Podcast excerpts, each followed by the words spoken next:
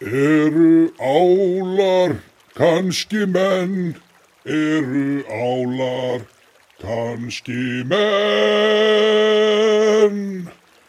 Djúft og njáni búa þeir enn, álar sem forðast veiði menn. Vör, vörður, vörður Marel, Já, hvar hérna kaupir þú allar þínar græjur fyrir veiðina? Ég græja mig upp í veiðifélaginu, Nóatunni 17. Já, það er þannig. Það er bara þannig. Ok, ok, Sigþór, við erum mættir áttur maður. Það er ennin fræsingin á flugukastinu. Heldur betur maður. Herðu, en við þurfum nú að, við ætlum kannski að byrja á einu sem að við höfum aldrei talað um, Sigþór. Nú, byttu.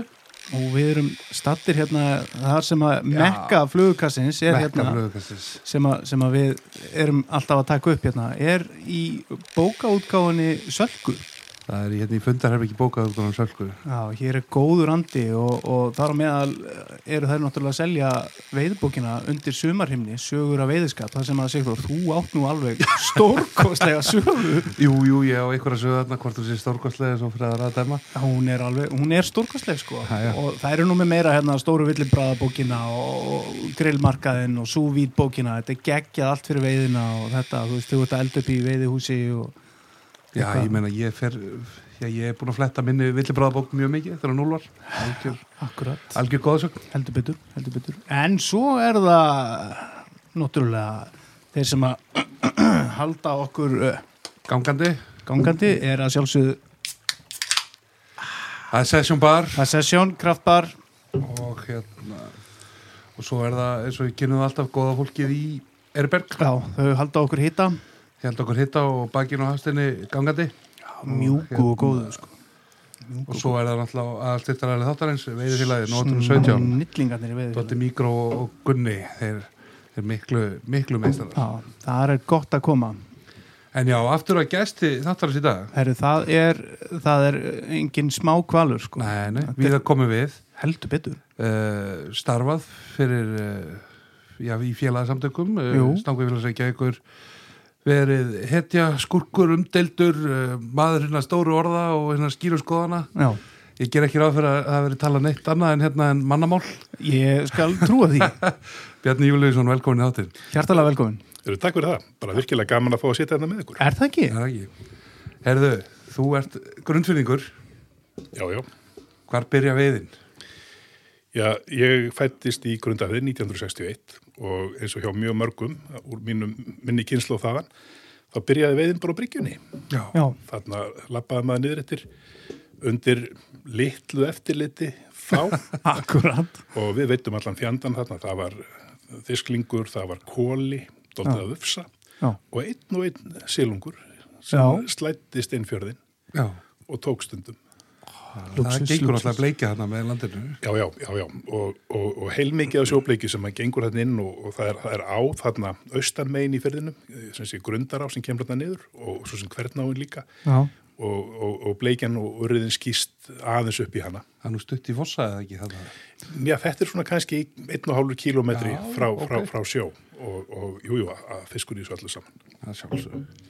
Já, já. já. Og svo náttúrulega ert þú, hefur þú vantarlega að byrja að potast þarna í- inn í hérðinsjörðu og svona. Nei, það er nú lengra í hann, sko, en, en inn í hraunsjörð. Frönsfjörðin, já. Já, afsakaði, ég ætla hann ekki að segja þetta er hérðinsjörða sjálfsög. Já, það vill hann til að, að sem sé móðu mín, Halldóra Guðmundsdóttir, hún var fætt þarna á uppalinn í litlu eyðibíli við, við norður brún uh, nýju raunsarrabrúarinnar. Já, Eyðibíli hétt Seljar og þarna fættist mamma 37 og þarna veitum við mjög mikið, bæði frá landi Selja og eins skutumst við inn í botn á hraunsfyrði, sko, mjósundsbrúin sem menn þekkja, hún er byggð 61 og eftir það lagðist vegurinn fyrir fjörður svona mestu af en var svona færi eppum já. og pappi var mikill veiðimaður, veitti á stöng og líka á svo kallað ellingsengræju Ellisinspúnin, góður. og hérna, og ég man eftir mörgum ferðum hérna sem bara smá gutti þar sem við fórum inn í botn og, veitum og alls konar viðafæri og, og í raunsverðinum þá var, það var hérna ufsi, það var þisklingur, það var sjóbleikja, það var urriði og það var lax. Já, Það var lagsnefnilega þarna frá fornu fari sem að reyndi bæði í fjararhómsanni og eins í þórsáni sem gengur ofan í búðarvógin. Þau eru nú kannski meirum hraunsfjörðin og eftir. Já, Já, En þarna var mjög mikil veiði og þetta breytist reyndar allt þegar að, þegar að lagseldið kom, silfurlags kom hann í fjörðin Já. og byggði stípluna. En stíplan er þó ekki betur byggð, eða hvað orðið ég var að nota, en það að á stórströmsflóði þá gengur sjórin yfir hana. Já, Þannig að þarna er algjörlega gengt öllum fiskum og, og í dag eru að veiða þarna sjóbleikju, urriða, lags og því miður þá er flundru fjandinn að lauma sér sko yfir skríður stípluna. yfir. já, Já. skriður hérna yfir. Og við erum svona að skoða leiðir til þess að stöðva flundrugönguna þarna yfir og ég vonast til að það veri gert eitthvað í því núna í ár og ef ekki ár þá í vetur. Já, hún alltaf bara rænir fæðu af, af seiðum og Já, já, já, fiski. og hún, hún getur væntalega hrogn og hún Já. er, er afræningi í fæðu og svo er hún bara svo leiðilegur ódráttur á stöng fyrir gefið þetta. Já, já, Þetta er marnútur ferskvarsins. Já, í, í, í, í, rau- í rauninni. Sko. Já, já, já, en þegar þú ert þarna Polli, þá, þá er það Bryggjan og það er Hraunsurinn, er eitthvað fleira svona sem að... Jú, jú, það hérna, uh, pappi var mikið í lagsveiði og hann fór þrísar á sumri í svartá. Já, og einhverjum þetta vegna þá fæ ég að fljóta með ég Hún á, þessi hún á sísli, já. Ég hef verið svona fimm ára gammal eitthvað svo leiðis og hérna, ég hefði gaman af þessu þannig að ég fekk að fara með aftur og, og sögumar 1967 þá setti ég minn fyrsta lags í svartá.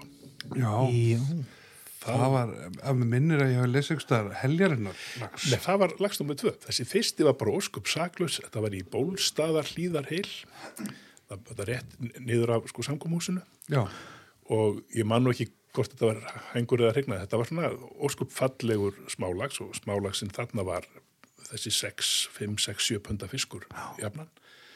En árið á eftir, eh, 68, þá tók ég 17 pundara og þá hafði sko, þá, var, þá voru reglurna pínlítið aðrar en það eru í dag.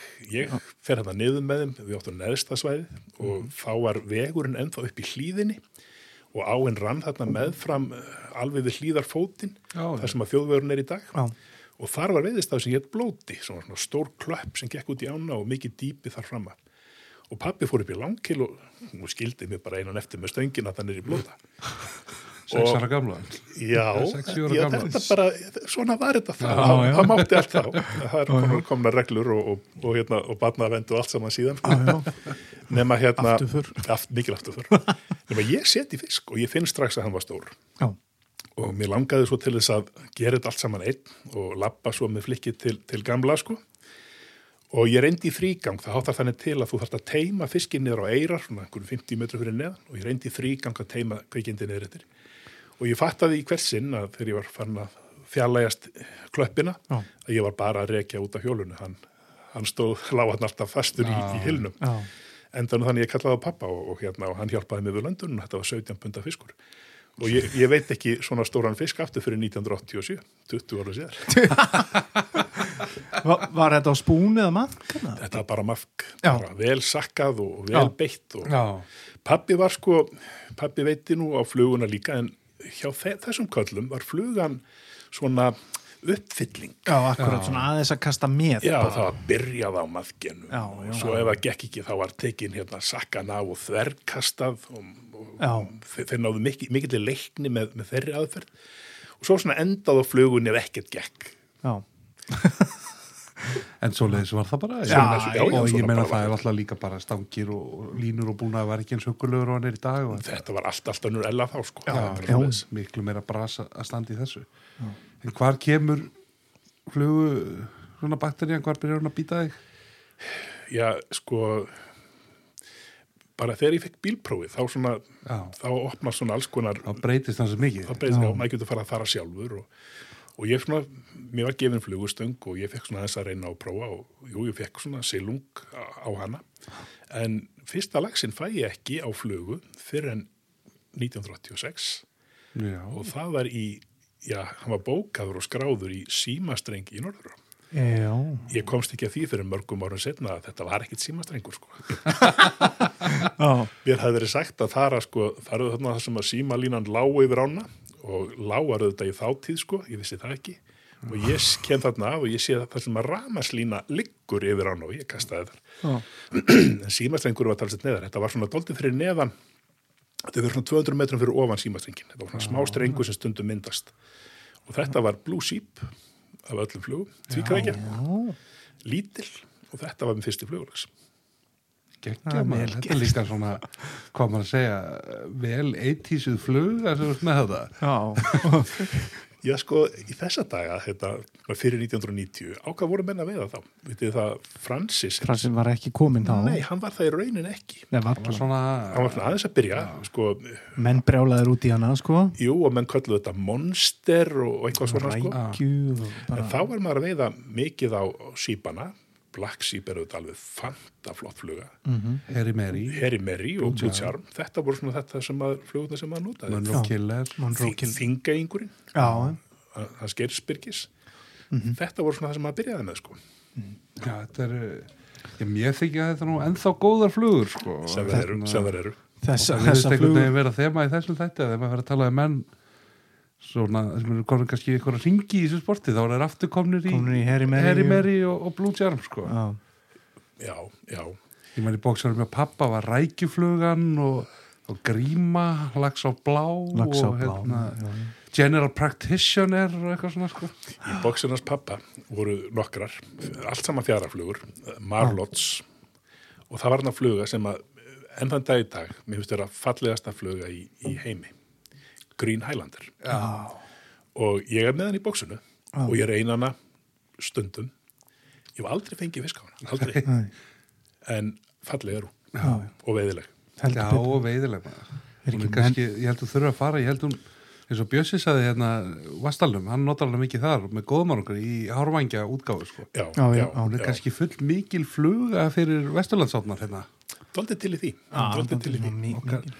Og svona þegar við horfum á eins og Vastaðan er núna, ég var nú að kera norðan í gær það er 10. júni í dag uh, ég held að miðfjara á ná ekki rúmmeter sko þar sem að allar átnar eru komin saman hérna núps á vestur á og, og austur á Ég fylgist með vassmælunum niður í stekk í Norðuranni og Já, þar er mjög lítið vatn, svo maður segi ekki meir. Já, Já. það er bara komin niður fyrir þrjá eða Já, já, já, langt niður fyrir þrjá. já, Já, ok. ok Það er bara svo leiðis.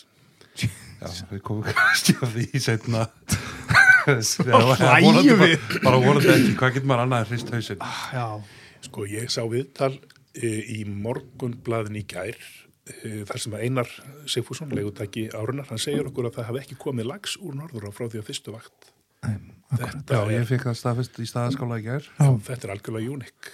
ég var að tala við hérna, með nú þegar að kjara á í, á í dag og hérna við ætlum nú ekki að tala þetta niður í þessu nei, nei, nei, nei, nei, nei, nei. það getur yfir og- gengið á en Og nota benni, sko, en leiðilegt að þetta byrja svona. Þetta byrjar Já. illa en lagsin kemur. Hann kemur. Og, við, og við þurfum bara að fá aðeins vatn og líf í átnar Já, já, og, og það er engin ástæð til að hengja haus yfir, yfir þessu sísóni Nei, strax. nei. ég held að við getum alveg bókað það að það, það á eftir að regna í sumar. Ó einhverjum já, tókuði ó já, Já. ó já. Síða, síðast í lagsin er ekki gengin norður á sko. Nei, nei, Nei, nei, nei, en hérna úr, úr því að við erum að tala um lagsveiði, þú ert þarna byrjaður í í hennið, búin að veiða fyrsta lagsin í Svartá Hva, hvað er svo framaldið? Þú ert komið með bílpróf, flugstöng Eh, Við flæktumst heilmikið um þarna á, á Vesturlandinu, í, sérstaklega í vötnin. Já, Eh, Það eru þarna þrjú vötn upp á vatnaleðinni, Baularvallavatn, mm. Selvallavatn og Raunsaravatn já, og þetta eru mjög fín veðvötn. kannski smerri fiskurinn í Selvallavatni. Nú, við veitum mikið í Raunsfyrðinum, Já, já. uh, á þessum árum löngu áður en að stíplan kom. Nú, uh, síðan var ég svo lánsamur að, að pabbi og, og, félagar hans, þeir keftu þarna jörð á Skarströnd og þar var lítil á sem heitir Búðardalsá. já. Og eru þá að tala um hérna Einar Björgvin og, og félaga uh, Einar úr Keflæk. Já, nákvæmlega. það var, hérna, það var bræðurnir Einar og Kitti og pabbi, Þórarinn heitin hérna, Sigursson, bróður Halldórs E. sem var ráður hérna í já. Jónas Gesson. Er það rétt, ég heyrði eitthvað típan frá Einari sko að þeir, þeir hafa verið með ána svo hafið þeir byggt lagsastegan og þá hafið þeir þurft að taka fullt af nýjum bændum inn í veðifélagið þá höfðu þeir ekki lengur en nýtök og ávalið frá þeim er þetta betra útgáðan? þetta er betra útgáð Já, og, og, og nota benni sko, þetta var, þetta var, voru indislega ár e, mig minnir að þeir hafi keift þessa jörð kvalgrafir e, í kringum 1970 e, það voru tveir fossar í áni, mjög neðarlega, Arnarfoss og, og Sundafoss sem er við brúna. Mm. E, Arnarfoss var sprengtur 1975 og í staðan fyrir að sprengja fossin og byggja stega þá var sprengt renna fram hjá honum. Þetta er mjög snirtilega gert. Virkilega vel gert, það var, það var hérna uh, mjög vanda til verka Já. og, og þeir fengu þessi hópur, þeir fengu ána endurgjaldslaust í tíu ár minni mig út af. Já, já. Síðan var Sundafossin sprengtur uh, 78, þá var ég komið með bílpróf og hérna, og þarna fór maður mikið, þeir skiptu með sér veðutógunum og ég, ég man nú ekki lengur hvað, hver, hver eigandi fekk marga daga en, en það var þannig að þegar eigendur svona heldust úr lestinni þá kefti pappi kjarnan hlutin þeirra Já, já. og, og, og endaði með ána þarna í rauninni næstum eini eigandin og, og seldi svo, ég man það ekki 94-5 eitthvað svo leiðis Já. þá selur hann þetta og þarna uppliði maður algjöra dýrðartíma stundum e, þetta er svona klassísk e, þetta er lítil á og fiskurinn gengur þarna svona einhver tíman miðjan júli, svona klassíst vesturland Já. e, stóru göngunar komu á haustin þær komu með haustregningunum Var í byrj, byrjun ágúst bara. Það er svona smá dalatenging. Jésús Kristu hvað hva, hva, hva, sko, pappi sagði að það, það, væri tvær göngur yfir sömarið, svona tvær aðalgöngur og munið eftir umræðinni þegar að, þegar að hraunsfjörðurinn, þegar að fiskeldi var hraunsfjörðunum Já. og þeir fengu leifi til að fara fram fyrir mjósundabrúna með, með trollið og taka göngunda sem þar komu inn Já. Eh, því var haldið fram að þeir var að taka mikið af, af dalalagsi, breyðaferðalagsi sem kom þarna til að kíkja og hjælt svo áfram Já. Og, og sé þetta rétt hjá, hjá pappa að í litlu átna séu kannski bara tvær megin göngur netið er út og tekur bara aðra gönguna. Fim- 50% af búðardalsöndu þá bara þurkað út það sömarið Já. og, og sama var með, með, eins og með lagsá í dölum og, og, og haugandalsá það, var- það var tekið mjög grimt frá þessum ám. En þetta var svona þetta var svona þeirri staði sem maður var að, var að byrja uh, veiðumennskuna á dýrðartímar. Dýratímar. Já. Svo eh, byrjar álpast út í leiðsögnuna. Hvernig svona gerist það? Já. Uh, það var nú bara þannig að, að, að uh, þegar ég kem heim úr námi 86 þá gengi ég auðvitað strax í stangveiðfélagið, mér þótti það, þótti það þá og, og þykir enn merkilegu félagskapur gríðarlega merkilegu félagskapur og, og það var í gegn og ég byrja mjög fljótt að vinna fyrir stangó, ég var sem sé tölvunarfræðingur og var fengin í einhverja svona útrekningskunstir fyrir þá og þeir, eh, þeir nonni bald eða einhverja hans vegum hóað í mig og fekk mig til þess að hlaupi í skarið þegar að vantaði leiðsögum hann hann frá. Og ég gætaði þarna mjög mikið, allt og mikið, ég gætaði eiginlega yfir mig. Í norður á. í, í norður á fyrst og fremst. Aðallega, en, en ég svona sem gætaði víðar. Og svo bara kom að því ég, ég var, var í stjórn og var lengi í stjórn að ég bara ákvæði að þetta var orðið gott þetta gætir ég og, og, og ég var og þegar var orðin formaður félagsins það bara mér finnst ekki við hæði að, að formaður stangaðuls reykjavíkur sé að gæta eins og, eins og, eins og titlingur fyrir ekki ormaður þannig að ég, ég, ég gerði það ekki nema, nema í einhverju algjörir neyð Já. En er það, er það ekki ágætt og ég held að það sé nú í verklagsreglum í dag eða ekki? Að... Ég, ég held að sé verklagsreglum stjórnarnir í dag að, að gæta hóflega og það er bara fínt. Hó, hóflega er, er, er orðið. Já. Þannig að þú ert í norður á hvað, hvaða ár eru að tala um svo maður getum rammað þetta hans einn. 86 til 96 eitthvað sluðis, 10 Já. ára tímabil og ég er að gæta þarna, ég veit það ekki, 30-40 dagar sumri, 30 dagar sumri. Hvaða kettir eru þarna með þér? Við veitum að kalla þetta við. Þarna voru margir fínir og flinkir uh, leðsögumenn. Uh, það var þarna gamall maður sem ég held að sé einn af merkilegustu veiðumönnum Íslandsögunar sem var hann doldið með okkur og, og stýrði þessu. Það var hann Haldur Eitin Þórðarsson. Okay, Þóri Þórðar, pappi Þóróls Halldórssonar, núverandi síslumans í, í, í Reykjavík. Já, já. og hérna, hann var í stjórn félagsins og, og, og var þarna, já, ég ætlum ekki að segja veiði vörður, hann var svona headguide og stýrði þessu af mikilli Staðarhaldari. staðarhaldari Já, stýrði þessu af mikilli þekkingu.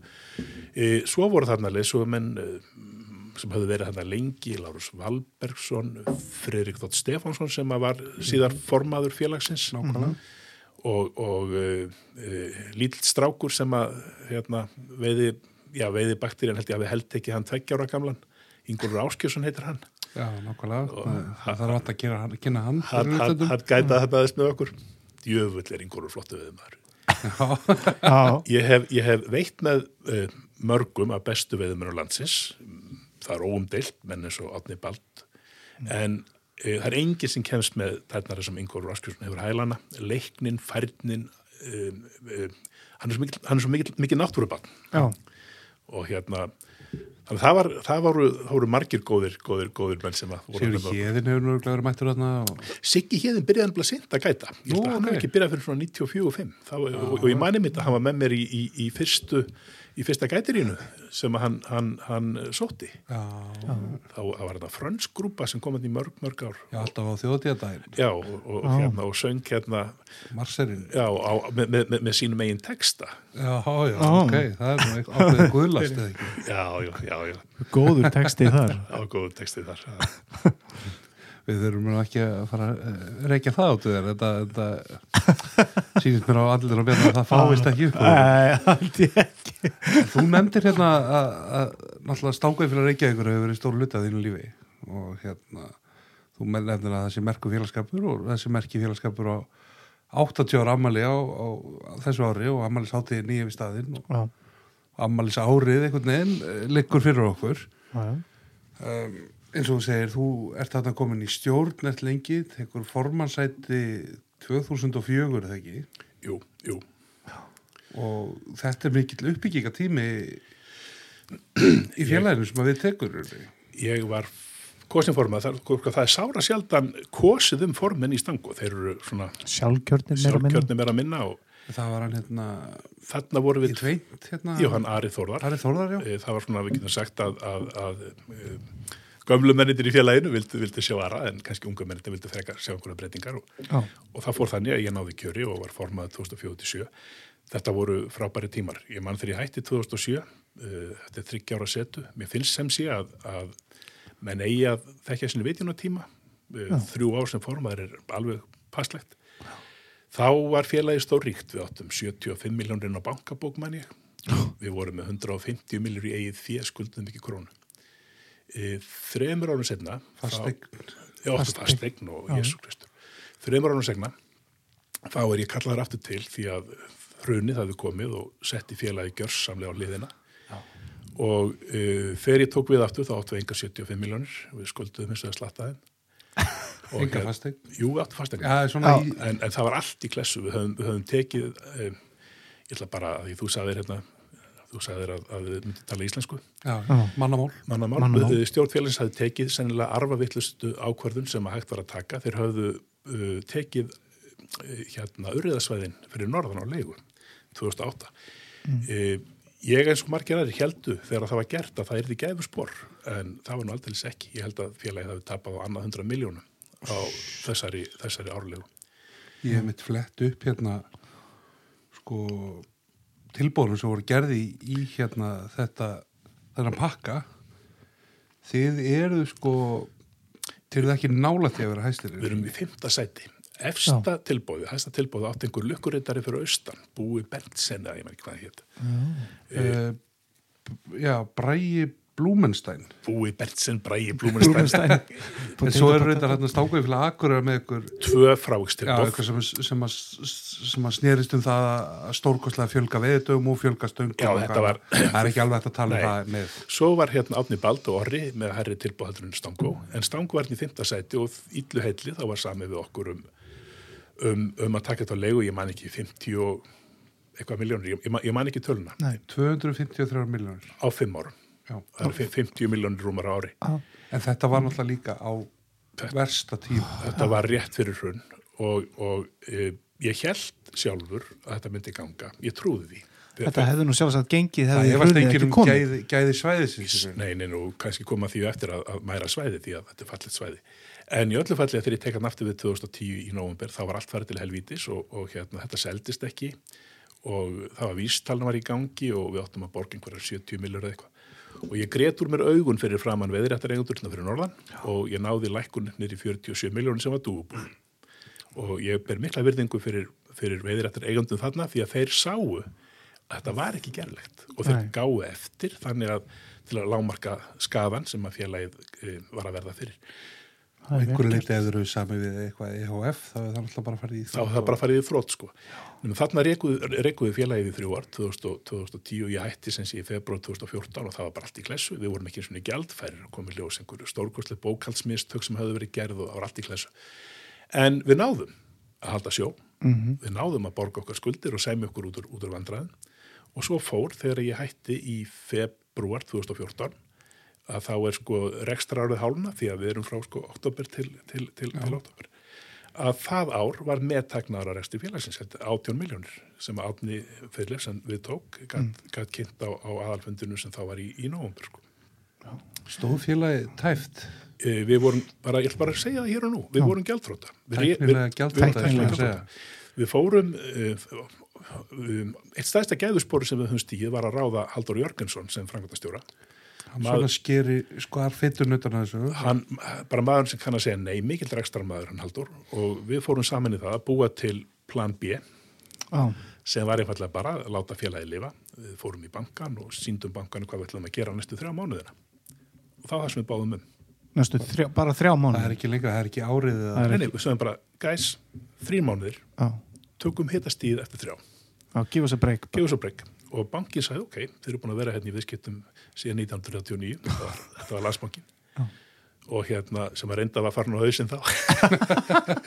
Þú nefnir um þetta í ykkur viðtali frá þessum tíma hérna, þegar að vera að taka hitt að tekka á þér með veiðilega sölu 2013 eftir hörmungasumar 2012 þá nefnir við mitt fyrirtæki eins og eins og Eimskip og Landsbókan sem hafa alltaf verið stóri veðilega köpetur en í dag er ekki nema skilin af sjálfum sér. Já, já, það, það er bara svo leiðis en, en, en til að gera langa sögustött og það er ekkit gaman að tala um þetta tímabil þá náðum við að halda félaginu lifandi og sko stangaði fyrir að reykja ykkur er svo merkilegu félagskapur þetta snýst um það að, að sem sé, tilgangurinn er að, að standa vörð um hagsmunni veiðimanna.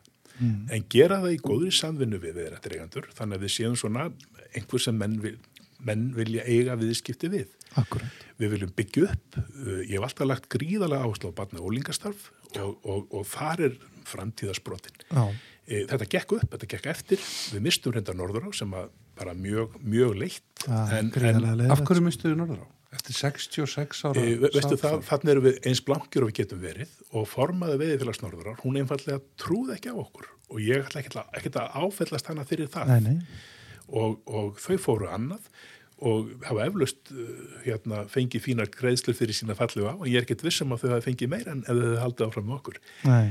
E, e, síðan lendum við í því eins og þú nefnir hérna sumarið 2012 og, og, og 2014 Ofan í allt saman. ofan í allt saman voru sko, vestu lagsveðu sumur sko, s- sögunar Þú nefnir einmitt þarna í viðtalið sem ég vitnaði á að veiðilega salan veturinn 2012-2013 væri sko svo langvæsta sem að, að félagið hefði lent í síðslegin 25 ár. Já, ég man að þennan vetur þá þurftum við að brúa 130 eitthvað miljón krona gap Og þú talar um sko, þú talar um held ég 30% samdrátt í, í sölu veiðilega en sko peninga upp að en í prófstalum með miklu herri því að Já. menn voru bara að kaupa ódýru veiðilega. já, já, það, Já. þetta bara var þannig en okkur tókst að standa okkar plikt og félagið er svona í, í hægum að, að bara bata nú tekjum við nýr formaður Jón Þór Ólafsson já, jú Tínes, hérna. bara virkilega flottur maður, mér finnst að vera að gera alla réttu hlutina, Mm. hann er, hann er, hann er að, hann, sko, ég talaði það áðan að félagi þetta standa að vörðum hagsmunni veðimanna, Mhm. Jón er svo sannlega að gera það, skelegur talsmaður gegn lagseldinu, gegn Já. öllum þessum vondur hlutum, bara flottur maður og ég held að félagi sjá 100% réttri leiðundur hans, hans stjórn. Já, Það er frábært að heyra. Ég, ég er einmitt eh, mjög svona hrifin að því sem að Jón kom til okkur á daginn og, og hérna áreitaði það að hann sagði svona framtíð stangaði félagsins í, í því að búa til nýja veiðimenn og, og standa vörðum um eins og þessa gegn Nákvæmlega. þessu fiskaldi og því sem að við stöndum frammi fyrir. bara sko, bara þetta með ungu krakkana uh, það var gert, ég var nú, ég var nú ekki formað það, ég var í stjórn þá, að, þá var hérna, þá var indökugjald og félagsgjöld þessar ungu krakka lækkað. Já, niður í nánast ekki neitt. Samt hafa ungliðarnir alveg sömu réttindi og við þessi fullornu auðvitað á það að vera svo leiðis Ég fór hann inn í félagið á þessu á þessum tíma. nákvæmlega. Veitti marga mínum fyrstu lögsum á barna og ungmennadöfum í, já, Sko. já. Sko, Hvað hva heldur þú, hvað heldur þú vinnur, að það séu margir sem erum búin að byggja upp með þessum hætti heldur betur. Sko. og sjáu þessa ungu stráka í dag sem að, hérna, sem að sko, kunn ekkit annað en að veiða á flugu, smáar flugur og flottlínur og kunni ekkit annað en að sleppa. Hef vi- aldrei drepið fisk að aldrei dreipið þetta villimennir hérna, Já, Elís og, Elís og já, bara flottir strákar. Já, og óteljandi bara þeim líkir sko. Já, Það er akkurat, sko, framtíðin er björt. Ég, ég efaðist einu sinni þóldið um, um framtíð hérna íslenska veiðimanna þegar golfíþróttin var að taka yfir. Sem, betur fer þá hérna, þetta gengur nú allt í, í bylgjum og ringjum já, Ég, ég veit ekki hvort ég vitnaði það áður í þessum þætti en það var nú einhver tíman einhver bresku lord sem spurður því hvort hann hataði golf sko. Og hann sagði ég get ekki hata golf. Ég kemst ekki frá því að hugsa um að það haldi hersveitum hérna óverðugu frá því að uppgöta flugu Ah, þannig að golfið má bara taka því sem að svara því kallið sko, Já, já. heyrðin reist. Já, já, já, já, já, já, já, já. En já, hérna í þinni fyrri stjórntíð 2004-2007 þá ferðu í stóra baratu, tekur stóra slag við netabændur í Kvítálusá. já, Já, eða sko, e, e, ég tók enga slag við þá, því að, því að sko, slag við netabændur vinnur ekki. Nei, það er, það er Við, við, við, sko, sko, sko. Ef þú tekur slag við kannski veðifélagi Já, og svona já, um, að, já. um að reyna að, að miðla þetta málum og koma þessum netum upp úr það þarf að fara að diplóða þessum netaköllum Gera- netabændunum. Ég held að þú hefur sett reiknistæmi fram þannig að þeir fengju eitthvað, eitthvað 5.000 skall fyrir lagsin í netið en 20 skall fyrir stangaveitan sko. já, e, sko, e, þetta er rauninni til að gera langa svöstu þetta. Þetta byrjar auðvitað e, með Jóni G. Baldvinsinni sem þá var formaðast ánkvæðast ekki okkur þegar neta voru keift upp úr borgarverðinu. 91 Uh, já, 91 þá, þá eru þau keift en, en það, svo vegferð hafði staðið yfir í þrjú eða fjögur ár Já.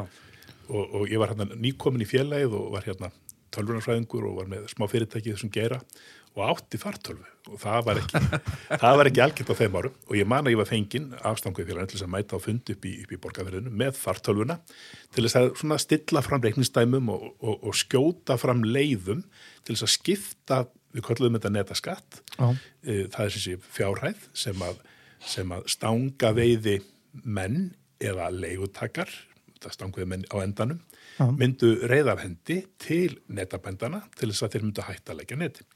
Og að skipta þessum netaskatti, það er flókið mál. Hvernig ætlar að skipta honum á milli netabændana og hvernig ætlar að skipta honum á milli veiði anna, hvað á norður á að borga, hvað á þverra á að borga og svo framvegis. Og þarna byrjaði, þarna byrjaði þessi pæling. Sko. Eru það leigutakarnir sem borga þetta eða eru það veiðifélagin í ferskvarsson? þá uh, voru það leigu takarnir sem komu þessu á og uh, það hátta þannig ég ætla að vona ég fær alveg rétt með söguna en það hátta þannig til hérna, í borgarferðinum að þar er veiðifélag kvítár uh, sem er sko neta veiðifélagið og svo ertum öll veiðifélag fersksvats á hana, uh, norður á Reykjadalsá, Flókjadalsá, etc Grímsá og allt það. og niðurstaðan var svo að það var búin til einn pottur eh, x miljón krónar pottur með vinnir hann hefði verið 11 miljónur á þeim tíma sem að veiðifélagi kvít á fekk þar að segja netabændur fengu og þeir sáu sjálfur um að skipta því milli, milli sín. Já, já. já, og síðan var ég fengið til þess að hann einhverja reiknireglu sem að skipti e, þessu á veiðifélögin þar að segja veiðifélag norðurar borgaði x prósent. Stang, stangafjölda og út frá veiði stangafjölda, út frá veiði jari, jari, jari sko. og, og þetta var náttúrulega svona skemmtilega formúla sem var hægt að jústera eftir því sem hlu- hlutirnir kannski breytust en at the end of the day þá koma þessi peningar frá veiði mönnum og, og, og leigutakarnir þeir hækkuðu þá veiði leifin um þá prósentu sem þurfti til til þess að, að, að, að dekka netaskatt árunar eins og norður Jú, jú, enda bara verið að borga fleirum. og þetta var, þessi prósenta var sára lítil, mér minnir þetta að vera 8% En er þetta ekki bara eðlilegt? þetta er mjög eðlilegt. Já, og við sjáum í dag að á þessum árum, ef við tökum bara norðuruna sem nú mínu uppáhalds á að þá var norðuráin gjarnan í svona 12-1400 lög sem hafi einu sinni eða tvisast leiði 2000 lagsamúrin já, er, er að horfa fimm ár aftur í tíman í dag Það er náttúrulega 1200 lags áður í norður og bara hamför í dag. líka, Já, bara, sko. sko, Já, það eru- eh, sko, lélegasta árið í norður hafi verið 1989 í mannrétt, þá voru 890 lagsar. E, svo kom að netin upp úr og hún fór strax í 1500, 1600, hún fór í þrjú ári röð í 2000 lagsa sem að þá hafði ekki gerst. E, það þarf enginn að segja okkur annað en þetta snarvirkar. Það eru 30% fleiri lagsar sem gangu upp í átnar og veiðast, punkt. Nú, 2004, þá fyrir að pæla í þessu með kvítarsvæði, þar sem fyrir austan kvítar og alveg sá. Það er ákveðin munur á fyrirkomulegi þar og í borgarferðinu af því að það eru ekki að burðugar stanga veiði ár. Akkurat. og það ertu líka bara með eitt veiðifélag fyrir jökulvatnið og fæskvatnið Það er pí- pínull vandi að, hérna, að, að innan þessa sama veiðifélags eru menn dóltið að bítast og ná ekki saman. En við ákveðum að reyna og hérna og uh, við bara byrjuðum á bonda nummer eitt og svo tókum við bonda nummer tvö og við sagðum bara, þeir sem eru tilbúin til að leia okkur þennan netta rétt mm. fyrir tvöfald, þrefald þær að verða þau fengið fyrir fiskana, eh, þeir gera það, þeir sem ekki vilja, þeir bara haldur með þeir nett og við náðum þegar að best létt eh, að ég held tveimur þriðju netana upp úr anni og stangaðinu Reykjavíkur greiddi þennan skatt að langmestu leiti. E, ég vil hrósa Átna Bald, hann þurfti ekki að koma inn í þetta en hann kom inn í þetta sjálfveljur. Já. Þið sama gerðu veðrættreigundur í Stórulagsá, þeir lögðu fram pening til þess að inn í þennan netaskatt. E, við fengum styrk frá fiskræktarsjóði í tvö ára í mann rétt og það var mjög ánægulegt og, og, og gott en stangaði félagið bar hitan og þungan að þessu verkefni. E, hvað gerðist? Sóið, bara tökum það sem dæmi, Já. sem hefði verið í 200-300 lögsum svona ja, gjarnan, sögulega veginn. sögulegri lægð og veiðilegðir seldust ekki lengur. Þegar sóið fór í 2000 lagsa. Ákverju? Er stóra ástæða lags og setti metár hann líka Ó Já, já, já. ó já. Og, og samt var þriðjungur netana niðri. þið náðu einhverjum 60-70% af abla, ekki 60-70% netana heldur. Já, já, já fyrirgjóð, já, Já, fyrirgjóð, það, það, það sem ég meinti. Við náðum nokkrum mjög stórum eins og Gunnar og Fossi, Fosslagnirnar eru rönni þrjár, hérna við Selfoss fyrir neðan brúna. Og það er eitt mesti heiðursmaður sem ég hef kynst í þessum gera. Þegar ég fer til hans, bara keri hérna austur og bara búða hérna mót og þykja hún kaffibólla, þá sagði hann við mig, nei Bjarni minn, ég get ekki leiktir þetta núna, ég er búin að handsala hérna við hann, mann ekki hvað hétt hann í fiskbúðinu, ég verð að standa við það. Komdu á ári, sagði hann. fair Já. enough, eins og komið til að segja Já, Og ég kem að ári og við náðum saman. Og allt sem hann sagði stóð þessu stafur á bók, punktur. en var þetta rétta leiðin til að gera þetta beinni? Sko, eh, hugsunum var, hugsunum var, þetta var, þetta var algjörlega útpælt hjá okkur. Hugsunum var þessi. Það var formaður veðifélagsins, var annar bílsfæls bræðrana, uh, átni, sk skurlegu maður, sem vildi samt svona lenda öllum málum í sátt og samlindi. Og pælingin var þessi, sko, störtum þessu, stangu er kvati, efna kvati, kvatin í efnakvarfinu, störtum þessu. Eftir 2-3 ár þá veltum við þessum bagga yfir á félagið og fáum leið til þess að veiði félagið sjálft taki netabændurna inn í arðskrá. Þá er bara komið hérna prósenda eins og reiknureglan okkar fyr- fyrir sem er náttúrulega, þetta er eitt veiðifélag fyrir ekki að ég grip fram við þér, auðvitað eiga þessi bændur að vera inn í arðskrá. Það er sér að segja. Og ég, ég, við töldum að það væri gerlegt og, og, og við vorum að sjálfsögða að tala við mjög marga af bergvarsbændunum, Já, já. stanga við bændunum og menn voru almennt samála um að þetta væri reynandi að gera þetta svona. E, það gekk ekki eftir. E, við, við hérna, við formensku í veðifélaginu tók öflugur ungu maður, Jörundur Gauksson, e, sem er netabondi og, og veiðir í net af ástríð Já, og hann hefur einfallega ekki áhuga eða hafði ekki áhuga þeim árum að, að halda þessu við og þannig smám saman fjaraði þetta út og með þeim afleiðingum að hvað er sóið okkar í dag akkurat. Já, þetta er náttúrulega greiðlega leiðilegt að sé ekki að taka einu svona umræðina og, hérna, og allt það, en var þetta, ef maður horfður tilbaka, fengum hann að góð skot, þetta lítur á að kosta stanguðifélagið svolítið pening. við borguðum 5 uh, ég ætla að vona ég færi rétt með mér minna að það hefur 5 miljónur ári 5 eða 6 miljónur ári sem að heldar netaskatturinn var Og þetta voru, hvað, þrjú ára? Uh, Stangó hafði aðkomið að þessu í þrjú til fimm ár. Já. Við fengjum, fengjum styrki eins og frá Átna Bald, frá uh, Stórlósapöndum, frá Fiskrættasjóði. Þannig að ég myndur svona skjóta á að Stangó hafi kannski séð um helmingin af þessu. Og uh, glemdu því ekki á þessum árum, þá, eh, eins og ég sagði, árið 2007 þegar ég hætti þá áttu við 75 miljónir kassin á bók sko. Já, já. Þannig að við bara töldum að það væri verjandi held að- að setja einhverjar fjóra-fimm millur á ári samfélagslega skilda staðista og öflugasta aðalans í bransanum Já. að koma fram og reyna að stuðla því að leysa þessa tímaskekkju sem að þessi netaveiði óneitanlega er heldur betur það er bara Svo, svo náttúrulega, kannski, þú veist, framaldið einhvern veginn sorglegt, nú er þetta komið fyrir dómstóla. Þessu leið sem menn fóru þarna að, að neyta aflsmunar á aðalfundi þegar að vantaði einhverja netabændur til þess að knésetja þetta galin leið. Og, og stendst held í engan veginn, ég eru ekki lögfræðingur en hún, ég held að hún standist ekki lagalega. Já, Og- og, kannski stæðist ekki tímastöðun heldur, þetta er á einhver skamfengingur. sko, þú, þú, þú, þú leysir ekki svona deilur með nefanum, með aflsmunum þú leysir þar með samningum þú leysir það þannig að aðilar sjá sér hag í því að gera hlutin um, einhvern veginn sameinlega já, En nú erum við með borgarverðin. já, Við erum með hvita borgarverði, við erum með hvita örlus á Jálfsíslu. já, Borgarferðin bara, þar voru stórtækir netabændur, þeir stórtækustu. já, Þar gekk þetta fyrir sig, af hverju getur þetta ekki gengið fyrir sig í Jálfsíslunni? Fyrir því eru tvær ástæður uh, uh, og, og, og ég nefndi það í, í, upp að þessu fórum að ræða þetta. Í fyrsta lagi að heldar valjúpakkin stanga veiði megin í borgarfyrðunum Miklu er miklu, miklu verðmættari. Að þú tekur bara stóru átnar, þau á Kjarrá, Norðurá, Grímsá og, og tökum bara þessar þrjár Já, já. þannig að þú cirka með 300 miljónir í leigutekjur. Já, take já, sko, pluss og smerri átnar Andakillin, Reykjadalsá, Flókadalsá og eh, hérna, skuggi og str- Brennan straumarnir og- brennan og og allt þetta vesinn sko. Guðvó. og Guðvá, já, reynda við keftum netun upp úr henni. Það- Þú, þið og sporður, það ekki? jú, jú, það var, það var snirtilega gert þó ég segi sjálfur frá. Og hérna, og, og, og fór, svo fórum við að seldum stanguðamönnum í þetta. Þrjúðu skaldaður, manni. já, og við höfðum upp í netagjöldin með því. Já, en, en þannig ertu með 300 miljónir og þú ert að borga 20-30 miljónir því 10% í, í, í netaskattin.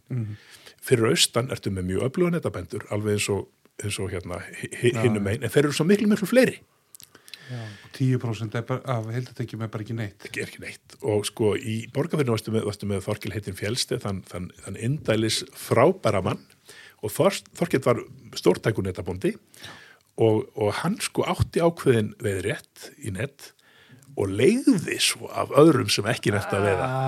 Þannig að hann, hann náði alveg hann- bara já, en, en, en, hérna, en við sömdum við Þorkil og, og, og, og, fleiri að og, þeir samningar hafa haldið. Þetta er nú er ég auðvitað ekki lengur talsmaður stangveðimanna en, en ég beini því til þeirra sem að, sem að, sem að er að hugsa þessi mál að leita aftur, taka aftur upp þráfinn, leita aftur leiða til þess að gera eitthvað fyrir austan. Ekki fara þetta á nefanum, ekki nota einhver triks, fundatriks og kostningar, semja, semja, semja. Það er leiðin, punktur. Já, er. Og, og er, er ekki eina leiðin að þeir sem að eiga þetta, leysi þetta. Þannig verður það að vera og við heldum hjá Stangu Yfirlega Reykjavíkur árið 2005 og 6 að það myndi takast Já. með því að við kennum aðeins og síndum fram á þetta var allir til góðs. já, akkurat Því að sko, ef að eitthvað góður netabóndi er að hlusta, sem ég á nú kannski ekki endilega vona á. Veit Já, aldrei. ef, hleypið þeim framjá og þeir fara upp í, upp í stórulagsá og sóið og þessar ásögurum að tala um, þá getur mú kakan stækkað og 10% er norðin meiri. Já, já, já, já, já, Þannig já, að- já, já, já, já, ekki spurning. Það þarf nú kannski líka bara aðeins að fjárfæst í sinni eigin öðlind. já, já, Nákvæmlega. við vorum nú eitthvað að tala um það, ég myndi gerð hvernig væri kannski séns að leysa þetta með netabændunar að, að hérna bara það, þeir þurfi eldús og flott og gera græja þannig að þetta verður nú bara einhver pæling hérna að matvælastofnun getur nú jáfnvel bara komið fyrir þetta með einu pennastekki. og Bara, en það erði bara um hérna, gerðar sömu kröfu til netabænda með fyrir matvæla og verði gerðar til til dæmis sláturhúsa og kjötvisla. Þetta er mjög góð pæling. Þetta er mjög góð pæling. Þannig að við í flugkastinu bara erum bara búin að leysa þetta Já, við, við, hendum við út í Já, kosmosin. Matís bara stí, stíði inn í og bara segja ef þú, ef þú ert með net í Þú þarft að vera hérna með vottað lagsasláturhús. Ég ætla, ég ætla að segja, sko, vottun, gæða eftir lit, Já, Það var ein leið. þá, þá er þetta aldrei dýrt fyrir þið að svo taka mætti, laxinn. svo, stu, ef ef maður vilja gera þetta á- með valdbóðinu, þá má ég alltaf segja, já, sko, í dag er leift að skjóta rjúpu og það er bannað að selja rjúpu. Það var nú önnu pælingin sem við Já, komum við hjá okkur tölum hérna í Já, við en það væri bara sölubarn á viltu laxi. Það er bara bannað. Og það menn, menn getur tekið menn getur notað þann rétt sem þeir eiga til þess að veiða lax í net fyrir heimilið. Já, já, akkurat.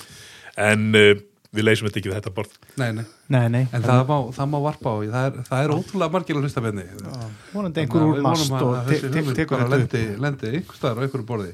Já, Herðu, við, við vorum nú eitthvað hérna munnugostum daginn Bjarni þó góðlátlega um, um veið að sleppa. Já, já, já, Þegar í, í hérna stangauðfélaginu tóku það ákvörðun hvað 2007 að- að fara með að sleppa öllum stórlagsi eins og í flugveðunum norður á e, mér minnir reyndar að þetta hafi verið 2006 26, ok. E, sko, þa- þetta gerir það allan, allan á minni vakt að e, þegar ég kem hann af sem formað 2004 þá er ennþá veitt á maðk í norðra já, já.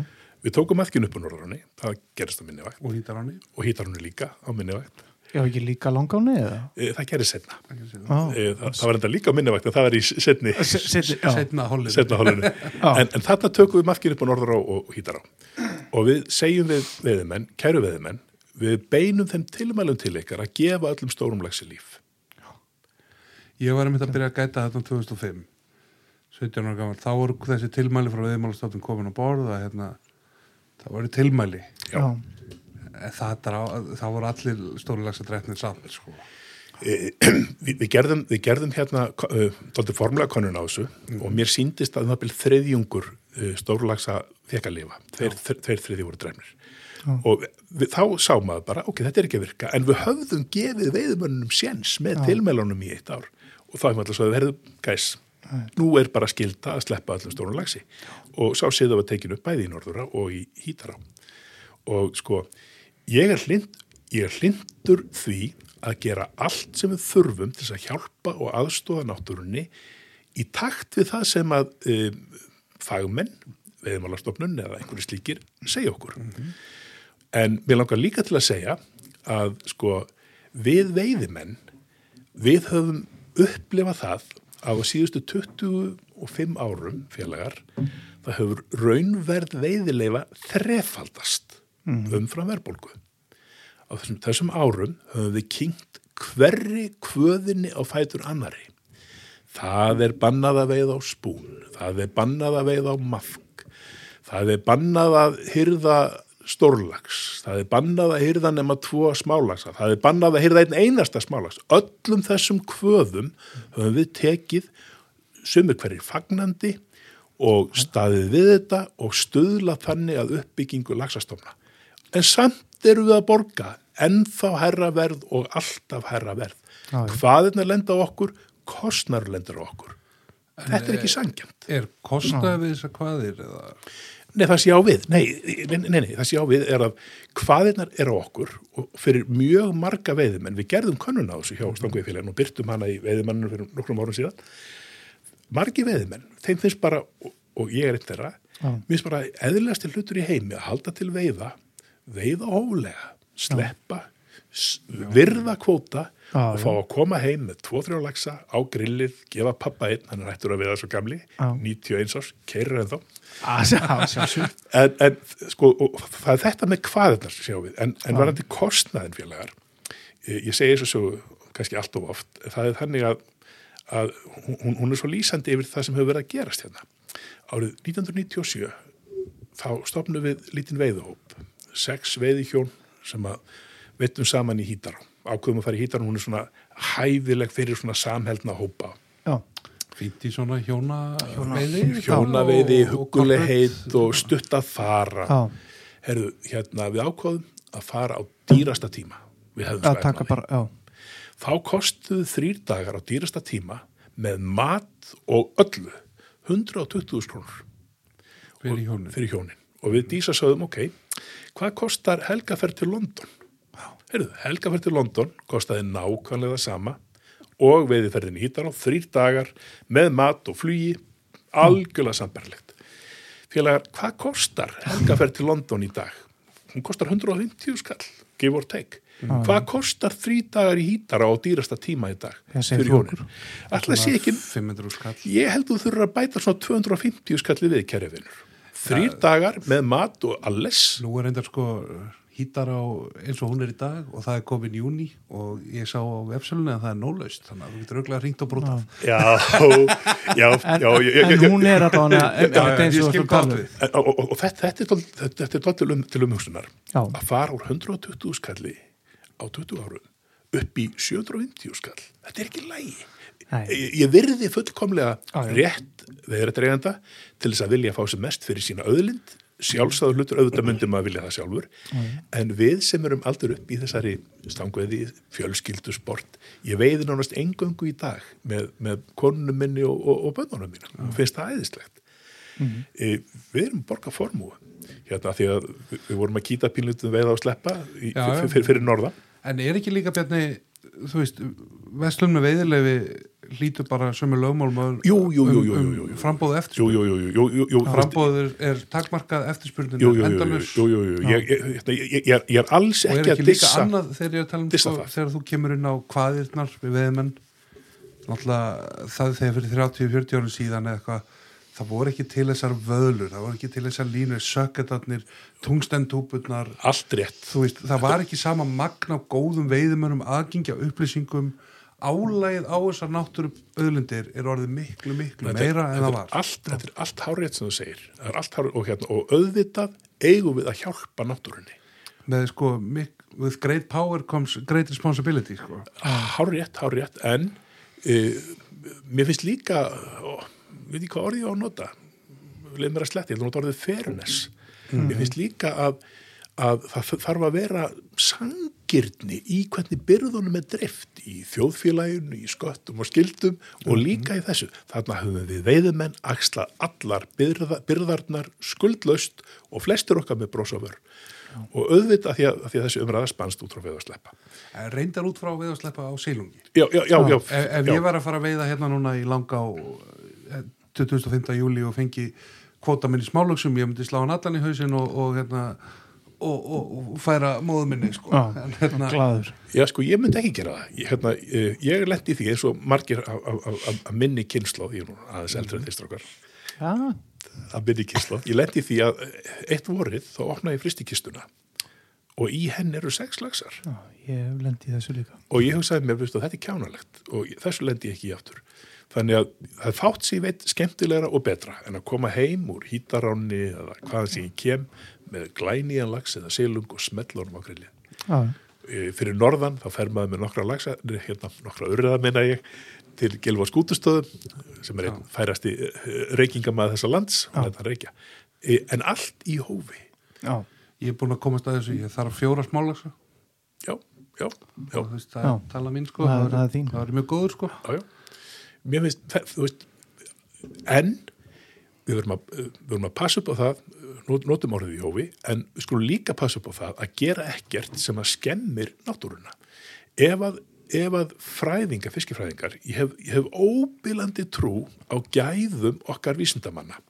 Veiðmálastofnun þar er að finna frábæra vísindamenn. Ef að þeir segja við okkur félagar, við ráðleikjum ykkur að sleppa öllum fiski sem veiðist þarna vegna þess að þá hlusta ég og segi já, ok. þetta er að gera. E, e, fyrir norðan í, í áriðasvæðunum eru tveir mismunandi skólar í gangi, tvö mismunandi svæði. Og neðra svæðinu hefur bara, því hefur hnignað mjög frá því sem best var og þar hafa menn ákveðið að besta leiðin til að byggja upp stofnin aftur er að sleppa öllu.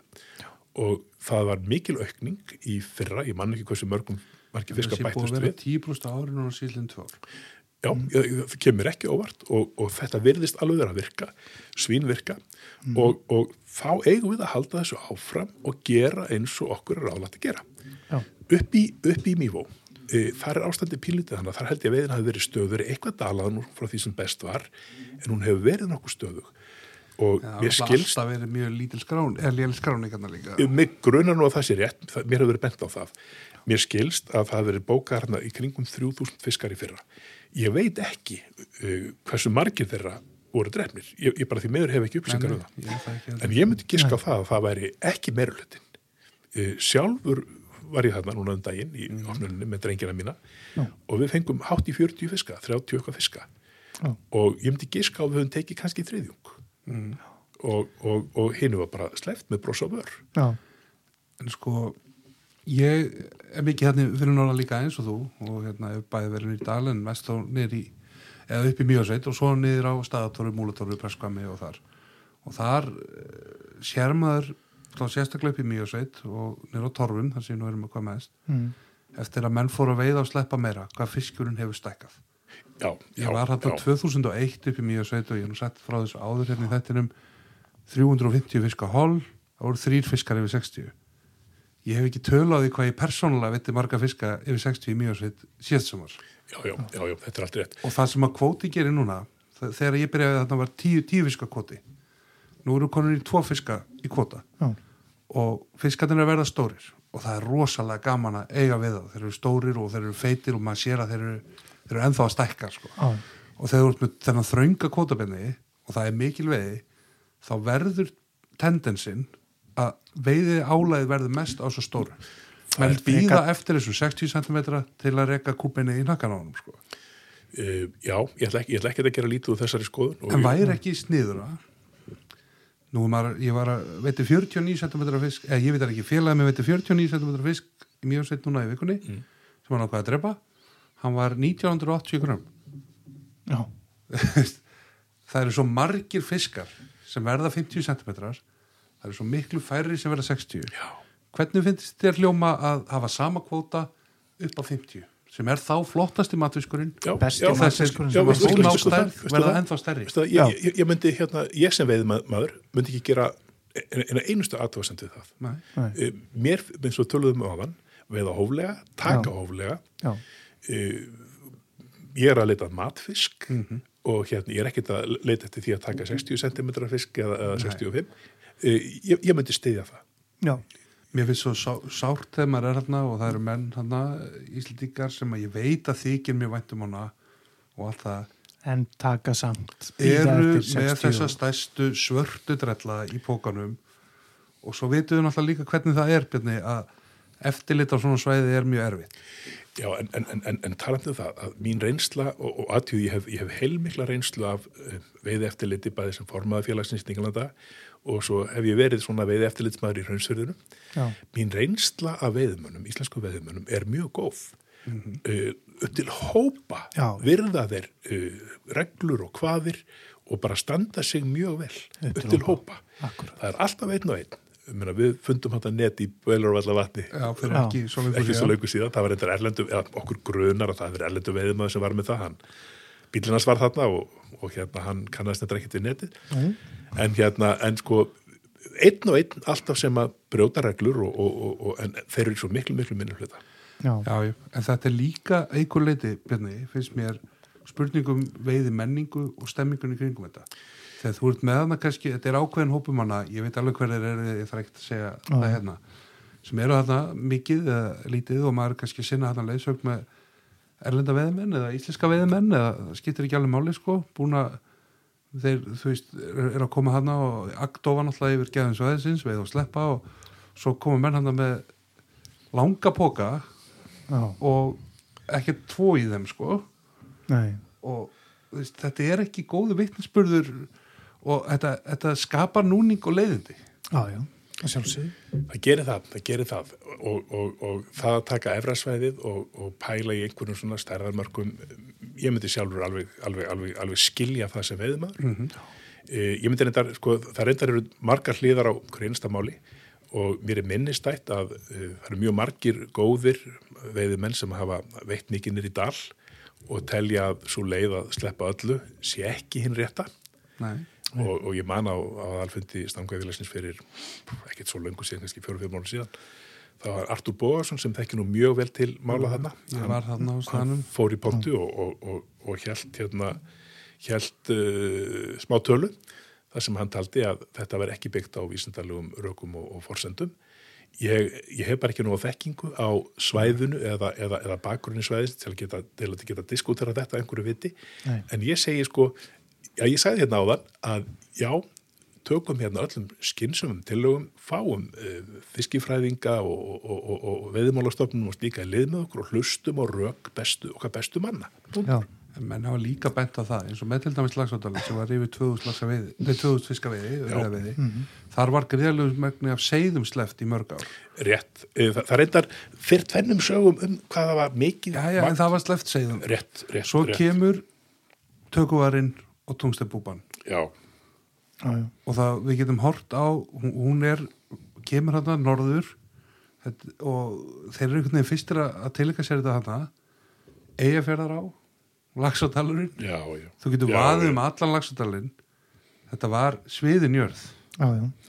já, já, ég hitti, ég hitti hann Valla við nokkar Já, eh, sem er nú einna betri veiðumönnum af, af þessari gerð nákvæmlega. og hann saði mér að hann þekki nú dalinn flestum mönnum betur Já. Að 2-3 sömur þá átti hann 10% af Hildarveiðin að og einastöngi í opnun af því hann kunni þetta og vissi þetta hann eins og það sleppir Öllu. öllu eftir því sem best veit þannig að hann, hann er ekki uh, ástæðið fyrir því að veiðinu er minka Nei, nei, ekki hann Nei. persónulega Nei. en, en, en það, eru, það eru fleiri sem að geta, geta svona bröðu þessu bræði fyrir sig sko. já, já, já, já, já, já, já, já. og menn hafa kannski flóið aðeins og nálega sólinu hann á gleði, gleði dögum sko. stundum, stundum. margir, margir.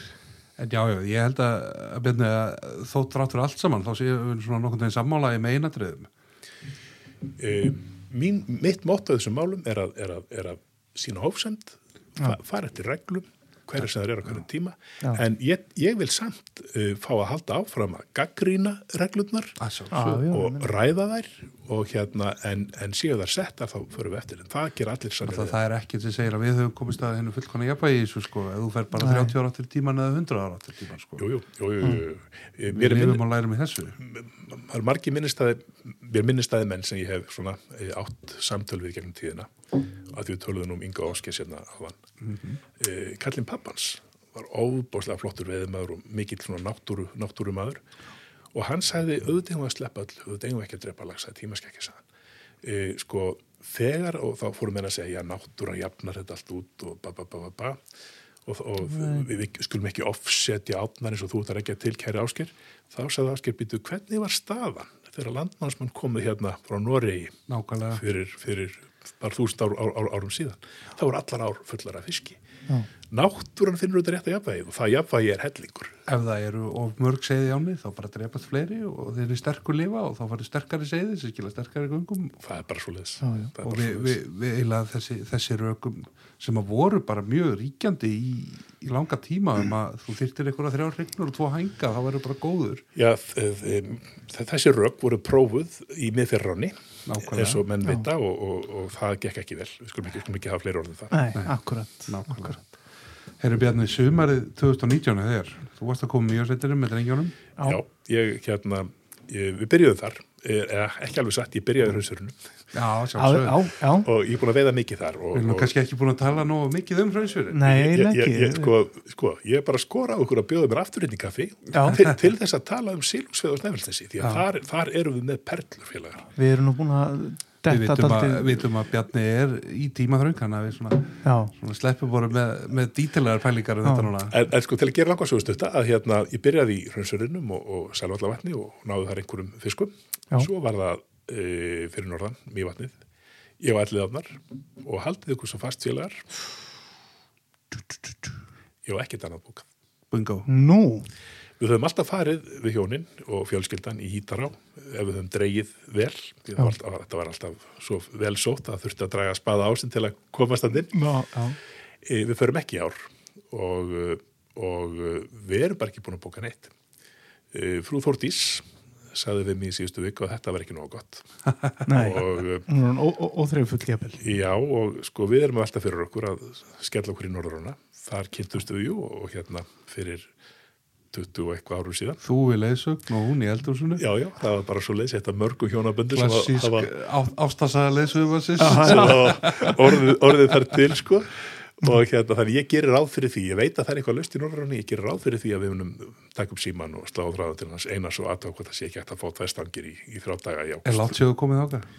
Eh, ég hef ekki farið ánga síðan að stanga og mista hana Þannig að það verður kannski svona sætt að geta heims daginn já, aftur. já, já, já, drotti mig hvað þetta er fallega í mínum huga þá er þetta eitt af þremur fjórum svæðum bara á Íslandi sem að stendur algjörlega upp úr. Nú sagði Jón Þór hérna við okkur um daginn hann var hérna að hann, ætli, hann bara sagði það Já, hann sagði svona, uh, in so many words sko, að hérna, honum fyndist bara að Norður á ætti að vera hjá Reykjavíkur hann ætlaði að reyna að gera allt sem hann gæti kíkja svona, Það er ekkert eilíft í þessum heimi. Uh, Það var ekki eilíft að Stango verið með hana eftir 60 ára samband. Það var ljóst að þeir voru ekki sáttu með að missa hana heldur Nei, nei, nei, nei, og við, við höfum viljað svo sannlega halda, halda því áfram.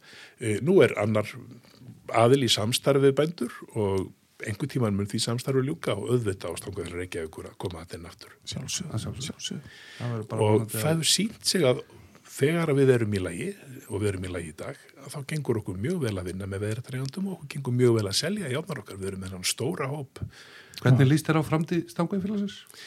Ég er mjög sáttur. Ég, ég held svo sögðum áðan að þetta er komið nýr formaður sem er svona aðeins farin að, að sko ekki bara fóta þessi heldur að gera mjög góða hluti. Félögum hefur fækkað svolítið frá gullaldi tíð Við vorum tæplega 4.000 þegar mest var. Eh, Þeir eru komin niður í 2.000 um, það byrja mann ekki töluna nákvæmlega. En það er þessi harði kjarni sem hefur orðið eftir. Við höldum áfram að byggja upp unga fólkið. Eh, Það er mjög áriðandi að rödd stangafélagsins heyrist hátt og, og, og Jón Þór, nú vorandi formaður, hann hefur rödd og hann talar hátt og talar skilmerkilega. Og, og, er mikið. og mikið. Og, og, og hérna, nei, og er bara að segja réttu hlutina. Já, Já. og stango er afturhóðið gildandi og, og ég er alveg viss um það að innan, innan fára ár, ára þá verður þú aftur búin að ná svipuðum styrk og var hérna í, á gullaldar vissið það að stanga í svona stert erindi í dag á tímum Facebooka sem að hópa myndur, minni hópa myndur auðveldari og... Já, ég er alveg viss um það vegna þess að við erum með þessi réttu gildi í gangi. Við erum að byggja á félagslegum grunni og við erum að rækta ungviðið. Þetta eru mikilvæg hlutinir. En fór, misti kannski félag eitthvað tíma sjónir að þessu hluturkisinu og er að koma aftur að því Nei, veistu það, sko, e, e, ég, mér finnst það sjálfum ekki, en ég hins vegar stend kannski of nálagt þess að geta verið dómar í eigin sög, en það sem gerðist óneitanlega þegar að, þegar að við, Við við erum með 60 svæði hérna 2007 sko. ég ætla að segja, það sem gerist óneitanlega þegar að, þegar að kreppan skellur á og við höfum ekki fjármunni til þess að rekta næjanlega baklandið og félagsmennina, að þá, sko, þá dregur úr. Var kannski bæði í aðdraðanda og eftir kreppu, í aðdraðanda kannski áherslan orðin og mikil að að selja? E, og eftir og mikil að bjarga bara félaginu og félagsstarfið kannski leið fyrir það? Eflaust, eflaust, en mér finnst þegar ég lít tilbaka, mér finnst að árunum 2005, 6 og 7, þá vorum við mjög duglegir með barna og úlingastarfið við reyndum að fjölga ívendum fyrir, fyrir, fyrir krakkana. Og við höfum alltaf haldið því í elleðanum sérstaklega að, að bjóða bönnum og úlingum að veiða ókipis undir leiðsum færustu manna Já. og þarna verða til margi góðu veiðmenn eins og til dæmis þú. Já, það er mitt, mitt, ég er þakklátt að vera það. Já, Herðu, þá er það hérna veiðilæð, góða, sem við endum alltaf á. Já heyrðu, það er hérna skrítið sig þór að hérna, þetta lag hafi ekki komið áður. Það má eiginlega segja það. Ég bjóst við þessu lagi svona jafnvel eh, Fyrstu þreymið þáttu bara? Já, fyrstu trefum þáttum en, en það er ekki enn komið en það er komið núna en Bjarni, hver er tengingin? já, Já, segðu sko- okkur hvað af hverju þetta lag og, og aðeins frá því Já, þetta lagði þetta á mjög vel við um uh, menn eins og okkur, stang, menn og konur sem hafa önun af lagsveiði. Já, og kannski sérstaklega að, hérna, því að við hjónin, ég og Þórdís Klara, við kynntum upp í Norður á, að þegar að vinkonur hennar gæsuðana, að þá var þetta lag sem sé óspart notað og lagið eru þetta lags, lags, lags. Og menn kannski leggja svolítið í að, að pæla í textarum það er nú margir hérna hlustendur sem að geta nú kannski tengt mikið við þetta Já, það er margt þetta skemmtilegt í að þessu hérna texta gleyma brúðgumsteginum en Já. var það ekki daginn sem ég veit Þetta eða var- stóra Já, hérna, Nei, var það 13 pundar? Nei, það var hérna 18 pundar. Nei, það var En sko, en sko, loka orðið frá mér, hérna, við, við, við, við giftumst, ég og Dísa, 12. júni 93 og það var þannig að ég gætt valið það vorið að mæta í bústæðakirkju með frú Þórtísi eða að mæta með yngu og félugum upp í Kjærá, 12. til 15. júni. En þetta var kallt vor og lítið gengið að lagsi þannig að ég valdi bústæðakirkju. Nú, já, já Sittur ennþá í þeirri súpu En þakka ég kæla að vera að líta til okkar í, í flugukastri bjarni og við ætlum að sleppa þér út að fara út að borða með fjölskylduna Erðu, bara takk fyrir komuna, ég hefði gaman að þessu og, hérna, og ég vona að hlustendur hafi gaman að þessu. Ég veist ekki það, Já. við vonum að Þessu það er bráðum að rigna og Já, það stýttist í það með, hver, með hverjum deg. Bjarni, takk kærlega fyrir okkur takk kæla Takk svo bleðis.